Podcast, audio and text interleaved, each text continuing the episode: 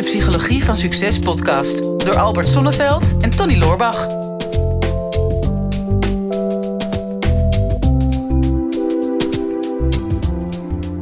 Heb jij uh, de laatste tijd nog een beetje op de bank gehangen, Tony? Ja, ik dacht dat ik de podcast ging beginnen, maar ja. ik wou echt met precies dezelfde vraag beginnen. ja, dat, uh, dat krijg je als je goed op elkaar bent ingespeeld. Ja, maar gaan, uh... de vraag die blijft wel, uh, wel staan natuurlijk. Want ja. bankhangen is in deze tijd toch wel iets wat heel veel mensen doen volgens mij. Want ja, waar moet je naartoe? Je kunt nergens naartoe. alles is afgesloten. Tenminste, mm -hmm. de meeste dingen die je normaal gesproken leuk waren, die zijn even niet toegankelijk. Ja. Ja, wat blijft er dan over? Ja, alleen de bank is open. De, de bank is open. Plus ja, Netflix die natuurlijk eindeloos nieuwe series blijft produceren. Ja. En ja, en dan onze podcast nog. Ja, precies. Nou ja, daar hoef je niet voor op de bank te zitten. Nee, dat kan je overal doen. ook in de natuur, wandelend, tot en met onder de douche. met onze podcast hebben we ook al gehoord. Ja, klopt ja. Nou ja, we hebben daar een vraag over binnengekregen. Dat wist jij natuurlijk, want je wilde hetzelfde slechte bruggetje maken als ik. als je maar lang genoeg met elkaar omgaat, dan krijg je dit soort dingen. Vraag van, van Jarko. Uh, die zegt, uh, ik zit zelf heel erg te stoeien met het feit dat ik een drukke agenda moet hebben. Het voelt alsof ik druk moet zijn, wil ik gelukkig zijn. Nu ik geen 18 meer ben, maar bijna 24, uh, voel ik toch wel dat ik een avondje of twee rust nodig heb in de week na een 40 uurige werkweek. Alleen van de rust word ik heel onrustig. Ik heb het gevoel dat ik verder moet, zeg maar.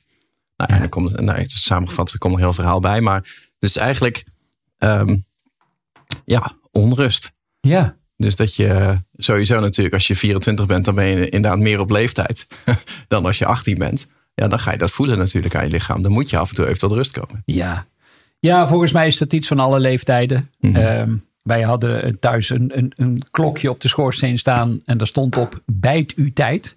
Bijt uw tijd. Ja, ja, met andere woorden, maak arbeid van je tijd. En dat komt, valt in dezelfde categorie als ledigheid is des duivels oorkussen. Rust, roest. oh ja. En in het zweet des aanschijns zult gij uw geld verdienen. Oh ja. Nou, daar ben ik mee opgevoed. Hm. En het kost me af en toe nog steeds moeite om, uh, om me niet schuldig te voelen. Uh, mm. Om op een doordeweekse dag gewoon lekker in de stad te wandelen of in de natuur. Mhm. Mm -hmm. Of als ik een keer wegga, de mensen zeggen, hè, ga je alweer op vakantie? Mhm. Mm -hmm. En dan heb ik altijd weer de neiging om mezelf te verontschuldigen. En dan heb je het alweer, het woord schuldig. Hè? Oh ja. Schuldigen. Ja. En, en dat is wel iets ingebakken. En, en ook als voorbereiding op deze podcast dacht ik ook na van, maar hoe zit dat nou eigenlijk met schuldgevoel? Waarom, Hm. waarom zit dat erin gebakken bij zoveel mensen? Waarom zou je niet gewoon lekker na, 40, een- na een 40-urige werkweek lekker op de bank kunnen hangen met een Netflix-serie? Ja, maar wel na een precies 40 uur werkweek. Want dat hebben we niet als mensen bedacht. Nee. Dat is gewoon, eh, dat is al bij vanaf de, de Big Bang, vanaf de oerknal is dat al bepaald. Dat je 40 uur moet we- werken in de week. Nou, En daarna ehm, is er rust. dat is een grappig onderzoekje geweest. Ik weet niet hoe ze het gemeten hebben, maar in de prehistorie was een gemiddelde werkweek 15 uur. Hm. Eh, dat was blijkbaar wat ze nodig hadden om te jagen en te verzamelen. Hm. Eh, en de rest hadden ze vrije tijd. Oh ja. En eh, nou ja, wij zijn ons als mens hebben we ons steeds verder ontwikkeld. Maar eh, die 15 uur die bestaat al lang niet meer. Tenminste niet voor heel veel mensen. Mhm. Want je kunt wel zeggen ik werk part-time. Maar dan ga je weer er heel veel andere dingen bij verzinnen. Om het toch maar zoveel mogelijk druk te hebben. Ja, nou, het is eigenlijk wel gek hè, dat we dus vroeger echt gewoon eh, eh, moesten werken om gewoon fysiek in leven te blijven. En dat dat blijkbaar met 14, 15 uur in de week kan. Ja. En dat, we- dat we nu 40 uur moeten werken met alle luxe die we nu hebben. Maar daar komen we ook een beetje van terug. Hè. Er zijn natuurlijk steeds meer onderzoeken die laten zien dat, ehm, dat je helemaal geen 40 productieve uren in een week hebt. Nee. Over het algemeen. Nee. Eh, volgens mij eh, in die Scandinavische landen zijn ze daar al iets meer mee aan het experimenteren. Om bijvoorbeeld de 20 uur werkweek te introduceren. Ik heb er zelf ook wel eens over nagedacht voor mijn business. Van ja, la- laten we dat eens gaan proberen. Alleen nadeel is, als je na 20 uur gaat en het bevalt niet, dan denk ik dat het moeilijk is om weer terug te gaan naar, eh, naar 40 uur. Het is, best wel, het is best wel een grote stap. Ja. Alleen ik merk het aan mezelf ook wel dat de uren dat ik echt er 100% focus heb en heel productief ben, ehm, die, zijn, die zijn veel minder dan dat je, dan dat je denkt, zeg maar. En tegelijkertijd blijven we maar zeggen dat we druk hebben. Hè? Mhm. Want eh, ja, blijkbaar is dat ook iets wat vooral in ons hoofd zit ook. Net als schuldgevoel trouwens. Mhm. Ehm, dus je, je zoekt altijd weer naar redenen dan om je gedrag te rechtvaardigen. En, en schuldgevoel op zich is ook heel nuttig. Eh, want waarom zou je het anders hebben? Dus ik, ik heb ook wel bedacht van ja, maar wat, wat is nou het grote voordeel van jezelf schuldig voelen? Nou, sowieso um, neem je dan de tijd om eens even bij jezelf na te gaan. Goh, ben ik wel integer bezig? Of kan ik me wel op de juiste manier verhouden ten opzichte van mijn omgeving? Nou, dus dat is het goede aan schuldgevoel. Schuldgevoel kan je ook tot actie, uh, uh, hoe zeg je dat, uh, aanzetten. Mm -hmm. je denkt van ja, nou is het ongeveer wel klaar. Ik, ik, ga niet langer in deze situatie zitten. Dus dat is ook een groot voordeel van schuldgevoel. En schuldgevoel maakt ook gewoon super sociaal. Mm Want hoe verhoud ik me tot andere mensen? Ehm, ja, dan wil je wel een beetje voldoen aan de codes en, en de gewoontes en de waarden en de normen die heersen in zo'n groep.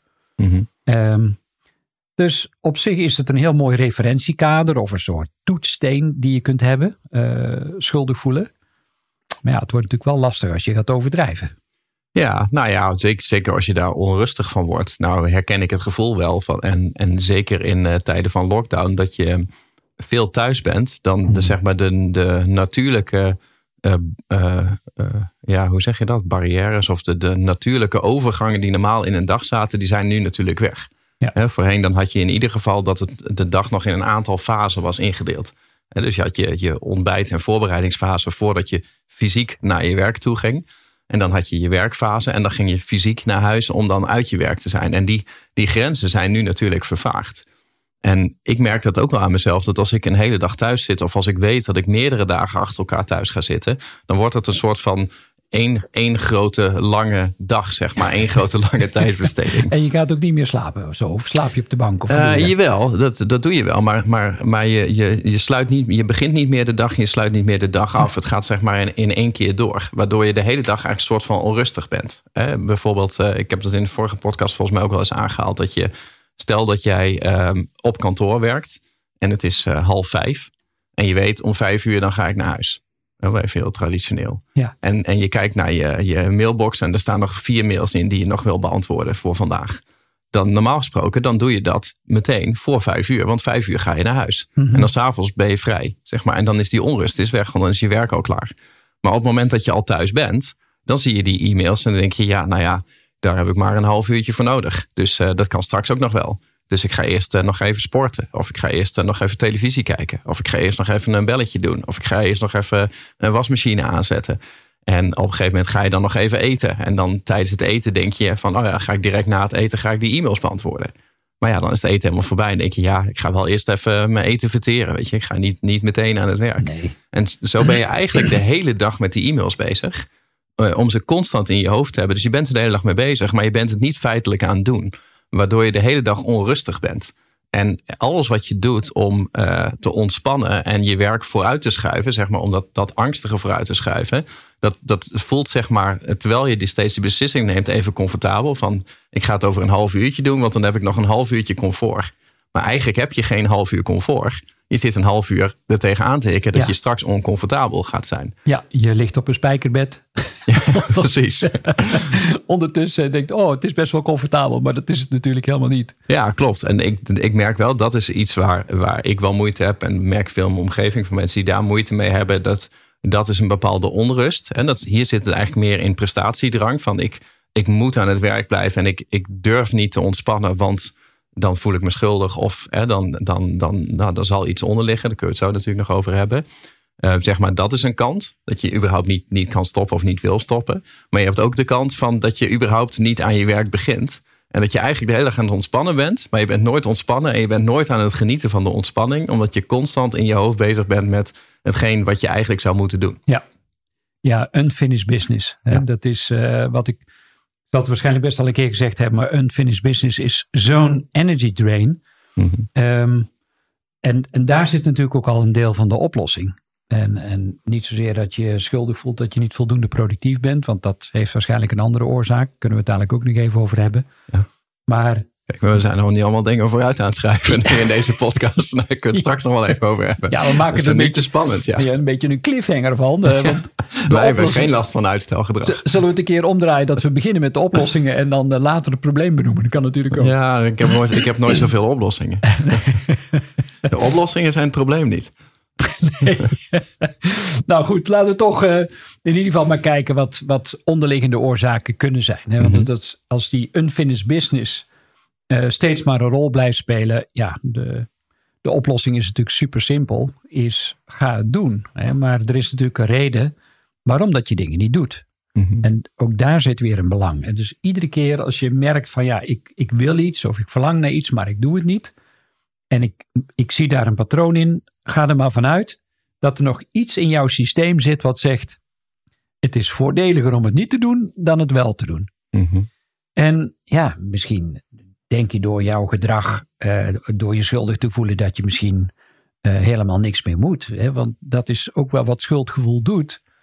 Uh, dat maakt wat ik altijd zeg inert. En wat eigenlijk wil zeggen is, um, je hebt aan de ene kant om iets te kunnen doen, om tot daden te kunnen komen, heb je doorzettingsvermogen nodig. En dus mhm. met andere woorden, de energie die je ook voelt bij boosheid. Dat je denkt, nou, je slaat met je vuist op tafel en zegt, oké, nu ga ik uh, die tuin omspitten of die zolder opruimen of mhm. die to-do-lijst uh, afwerken. Daar heb je een bepaalde hoeveelheid energie voor nodig. Nou, dat is doorzettingsvermogen, maar als je die doorzettingsvermogen niet inzet, die energie, dan slaat je naar binnen en dan, dan werkt het juist destructief. En schuldgevoel zit daar precies tussenin. Dat ontslaat je eigenlijk van alles. Hm. Dan zegt ja, uh, ja, ik voel me schuldig. En dan zou de omgeving eigenlijk moeten zeggen, ja, dus. ja, nee, maar ik voel me echt schuldig. Ja, dat heb ik nu gehoord. En nu, wat betekent dat dan? dus schuldgevoel is, is ook ideaal om ergens in te blijven hangen. Om jezelf in een soort vacuüm te, te stoppen. Zeggen ja, ja, misschien moet ik aan die klus beginnen. Maar diep van binnen zie ik er tegenop. Of diep van binnen heb ik een aantal keer op mijn donder gekregen als ik eventjes eh, niks zat te doen. Hè. Dus, eh, hoeveel kinderen krijgen niet op een falie uh, als ze huiswerk moeten maken, dat de ouder dan zegt: eh, Ben je nou al klaar? Of mhm. moet je geen huiswerk maken? Of nou, oh ja. dat, Hè, dat je al in de houding schiet of dat je al een smoes bedenkt.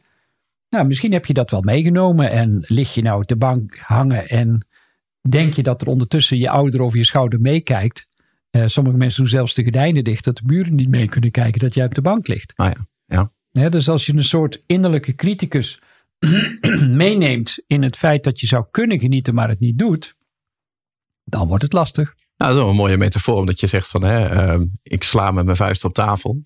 En dat is discipline, dat is wilskracht, dat is energie. Dat is eigenlijk zeg maar de ene kant op, dan, dan, dus, dan sla je door, zeg maar. En, en als je de andere kant op gaat, dan ontslaat het je ja. van schuldgevoel. Het, is wel, het wordt wel een agressieve podcast, maar dat heeft met slaan te maken. Dat heeft met slaan te maken. Ja. En tenzij je het lekker vindt, maar de meeste mensen gedijen daar niet zo heel erg goed bij. Hè? Dus, dus mildheid en compassie van jezelf zien. Oh ja, nou dat is nog een oud patroon wat ik misschien heb meegenomen uh, van mijn ouders. Hè? Dus wat ik al zei, zo ben ik echt opgevoed met bijt uw tijd. Ja. En ja. Uh, ja, op de bank zitten, dat was er gewoon niet bij. Ja. Nou, dat is nog interessant, want hè, als je dan naar de andere kant kijkt, van hè, in deze vraag, wat er natuurlijk onder zit, is gewoon die, uh, die prestatiedrang. Hè, van ik ben de hele tijd maar aan het werk en ik gun mezelf geen rust en ik ga maar door. En uh, ik, ik herken dat wel. Soms is dat positief. Hè? Dus dan, dan komt het vanuit een bepaalde uh, passie of een bepaalde gedrevenheid. En ik heb dat ook veel gehad in, in mijn uh, carrière, in, mijn, in mijn leven. Dat ik gewoon op het moment dat ik bijvoorbeeld met mijn business bezig was, dan op het moment dat het, dat het goed ging, dan dacht ik, ja, maar het gaat nu goed. Ik moet nu even hard gas geven, want alles wat ik nu kan oogsten, dat, dat is mooi meegenomen. Hè? Dus je moet dat momentum, daar moet je volop doorgaan. Dus als het goed gaat, moet je harder werken. Maar als het dan daarna dan vervolgens even wat minder goed ging, dan dacht ik van ja, maar het gaat nu niet zo goed. Dus het is wel goed om nu even wat harder te gaan werken. Totdat het weer goed gaat. Ja. Zeg maar. Dus um, je, je blijft er maar in zitten. Het is nooit af. Het is ook nooit genoeg. Mhm. En deels is dat, is dat passie, van je hebt iets voor ogen en je wil dat bereiken. Uh, maar meestal zitten daar natuurlijk wat andere dingen onder. Hè. Dat zijn dingen zoals bijvoorbeeld uh, faalangst. Hè. Dus je bent bang dat, dat uh, iets niet gaat lukken. dus, dus je blijft maar alles eraan doen om te voorkomen dat het in ieder geval niet gaat dichtgaan hoeveel werk je erin hebt gestoken. Ja. Het kan ook te maken hebben met, met inderdaad iets uit je opvoeding. Ehm, hè, precies wat jij zegt, dat als jij thuis komt van, van school. En, en het is vrijdagmiddag en je zit nog geen twee minuten op de bank. Of je krijgt al de vraag van, ben je al aan je huiswerk begonnen? bijvoorbeeld. Ja. precies, precies dat, dat. Kijk, ouders willen natuurlijk dat kinderen succesvol worden en, en daar moeite voor doen. Mhm. En dat wordt gestimuleerd. Maar dat kan je soms ook gewoon opslaan als ik, ik mag niet stilzitten. Ja. Of ik, ik moet bezig blijven. Um, dus dus dat, dat kan een stukje opvoeding zijn. Dat kan een stukje faalangst zijn. Het kan uh, iets te maken hebben met je eigen waarde. Dus dat je vergelijkt met, met anderen. Of dat je vindt dat je zelf nog niet goed genoeg bent. Um, waardoor je gewoon maar hard blijft werken om iets van jezelf te maken. En um, het verschilt een beetje per persoon. Wat, wat daaronder zit. Mm En dat is eigenlijk, uh, dat is misschien wel de derde. Hè? Als we zeggen van of, of je slaat door, dan ga je de gang. of, of het ontslaat je. Het schuldgevoel hoef je niks te doen. Of je hebt een overtuiging en die slaat nergens op. Dat is eigenlijk de derde. En wij slaan er een slaatje uit. Ja, klopt. Wij, ja, weer een podcast over. Ja. ja, maar dat wat nergens op slaat. En je moet er wel eerst achter komen wat, wat datgene is. En waarom je dat nou precies aan het doen bent. Dus uh, wat, wat probeer je nou precies op te lossen met, met dat harde werken? Hè? Is, dat, uh, is, is dat de faalangst? Is dat uh, een, een tekort aan eigenwaarde? Is dat iets wat je vanuit je opvoeding door hebt genomen? Mee hebt genomen? Hè? Of zit, zit het ergens anders? En waar ben je precies bang voor? Ja. dat, is, dat is misschien wel de meest treffende vraag. Als je zo hard aan het werk bent en je, en je, je kan gewoon niet stoppen met werken, mhm. dan is eigenlijk de vraag van waar ben je bang voor wat er gaat gebeuren op het moment dat je, dat je stopt. En als je, als je dat kan identificeren, dus bijvoorbeeld, nou, dan ben ik bang dat ik niet meer genoeg geld verdien, of dan ben ik bang dat ik niet meer trots op mezelf ben, of dan ben ik bang dat mijn omgeving me lui gaat vinden, inderdaad. Dus dan, dan, kun je inderdaad de gordijnen dicht doen. Dan lost, dat, dan lost dat het op. En als je daarbij in de buurt kan komen, dan denk ik dat je wat meer um, zelfcompassie kan krijgen. Ja, dus daar begint het mee. Hè? Begin, begin sowieso met het erkennen van je schuldgevoel. Het is er. Mhm. Eh, en kijk het ook aan. Uh, want je hebt, wat ik al zei, is schuldgevoel kan je dus uh, het gevoel geven van ja, zelfs een schuldgevoel, daar hoef ik niks aan te doen, want dan hoef ik die confrontatie niet aan te gaan. Mhm. Ja, dus je, je voelt al in alles met schuldgevoel, dat, dat trekt je op, zo, op een bepaalde manier in een soort negatieve spiraal naar beneden, in een soort vacuüm. En daar zit je dan, mm -hmm. vacuüm verpakt in je leven. En sommige mensen kunnen dat gewoon een heel leven lang uh, volhouden. Mhm. Tot in huizen avondrood zeggen, ja, maar ik voelde me toen wel schuldig. Hè? Dus stop daarmee. zo, sowieso, eh, get over it. Ehm, de enige manier om het echt leuk te hebben op het in het leven is om het aan te gaan. Het mhm. is ook natuurlijk mooi van uh, Roos Vonk. volgens mij heb ik die titel van het boek ook een keer aan jou aangeraden. Je bent wat je doet. Ja. Dus je bent niet wat je denkt. want je kunt zo lang gaan zitten denken, ik voel me schuldig. Mhm. Maar ga iets doen en niet vanuit een soort luiheid, maar breng jezelf weer in beweging vanuit compassie. Mhm. Van, oh, maar wat vind ik nou echt leuk om te doen? en misschien is dat wel een avondje Netflix. Waarom niet? Ja. Maar als je daarin blijft hangen, dan kun je kijken. Er zijn nog andere dingen die me ook vervullen. Ja. En dan blijkt dat er gewoon heel veel talenten zijn die, uh, die je zou kunnen inzetten om van je leven je leukste leven te maken. Ja, en, en als je hier nou in herkent, hè, dus ofwel uh, je zit aan de ene kant dat je, dat je niet in beweging komt, maar dat je er wel de hele dag schuldig over voelt, dan, dan weet je eigenlijk wel waar je het, waar je het moet zoeken. Hè. Dan weet je gewoon, dan kan je beter direct in beweging komen en daarna gaan ontspannen in plaats van andersom. Hè. Als jij jezelf de hele dag uh, gaat gunnen om de hele middag Netflix te kijken en dan s'avonds nog een beetje werk gaat doen, dan zul je van dat Netflix uh, niet, niet echt gaan genieten. Dan ben je op de vlucht voor dat werk. Ik kan beter het werk eerst doen. Dan heb je daarna heb je de ontspanning. Kan ook zijn dat je aan de andere kant zit. Hè? Dus dat je de hele dag bezig blijft. En dat je het je gewoon niet lukt om tot stilstand te komen. En als je dat doet, dat je onrustig bent. Wat ik ook heel goed uh, herken. Hè? Dus je, je zit op de bank en denkt, nou, hè, ik neem even pauze. Kopje koffie. En binnen 30 seconden zit je alweer op social media te kijken. Mhm. En uh, binnen drie minuten heb je alweer iets op je laptop. En dan ga je daar weer naartoe. En dan ga je daar weer naartoe. Dus je bent verslaafd aan de urgentie. En dat hoort gewoon extreem bij deze tijd. En wat daar soms onder zit, is dat je uh, ergens een beetje bang bent voor de stilte. Ja. En voor de rust die gaat komen als je tot stilstand komt. Nou ja, dat is ook wat genoemd werd. Hè? Dus uh, een van mijn leraren zei: ontspanning is spanningsbewustwording. Dus op het moment dat je gaat ontspannen, dan kom je er pas achter hoe je jezelf steeds hebt opgedraaid. Hoe je als een soort hamster in een tredmolen rut, rut, rut, rut, de hele tijd maar loopt te racen. Uh, maar voor wat? En dat is natuurlijk best wel pijnlijk om daarmee geconfronteerd te worden. Dus dan kun je maar beter door blijven rennen. Of ik heb ook wel eens de metafoor van het oei-oei vogeltje gebruikt. Ja, klopt, ja. dan blijf je maar vliegen. Um, maar uiteindelijk dwingt het leven je tot stilstand. Mhm. de, de, rijkdom zit hem in de stilte tussen de woorden. Ja. Of, dat zit hem juist in de, in de rust tussen de activiteiten. Ja, dus dat, uh, dat zou het advies zijn voor onze vraagsteller. Ik wou even stiekem spieken, wat is de naam ook alweer? Ja. Jarko, volgens mij. Ja, maar we zijn inmiddels 20 minuten bezig. En mijn korte termijn geheugen is dus blijkbaar niet, niet zo goed. Slecht ook. Maar uh, dat zou het advies zijn van als je dit nou hebt Um, maak daar dan eens je volgende project van. Als je dan toch uh, competitief bent en vooruitstrevend en je wil groeien en je wil iets bereiken, hmm. maak dan van je volgende project um, gewoon om op zoek te gaan naar de stilte. Of om de confrontatie met de stilte eens aan te gaan en te zien wat, uh, wat daarin zit. Um, en uh, wat je daaruit kan, kan leren over jezelf. Ja, nou, er zijn natuurlijk allemaal hele wijze woorden die je nu hoort. Maar als je nou zegt, ik wil er ook echt iets mee gaan doen, hè, want hmm. daar heb je het weer dan kun je bijvoorbeeld naar brein.tv. Ja. Want ja, daar hebben we een aantal hele mooie e-learnings voor je klaarstaan. Zodat je dat ook echt kunt gaan oefenen met een werkboek erbij. Dat je echt accountable wordt gehouden. Dat je aan de hand wordt meegenomen om de dingen die wij nu in de theorie of vanuit ervaring vertellen. Nou, dat je dat ook werkelijk in je eigen leven kunt gaan toepassen. Dus dat zou ik je wel gunnen. Als je denkt, goh, leuk die gasten, maar wat doet Brein TV op die uh, microfoon? Mhm. Dan weet je waar dat mee te maken heeft. Ga het gewoon eens even checken.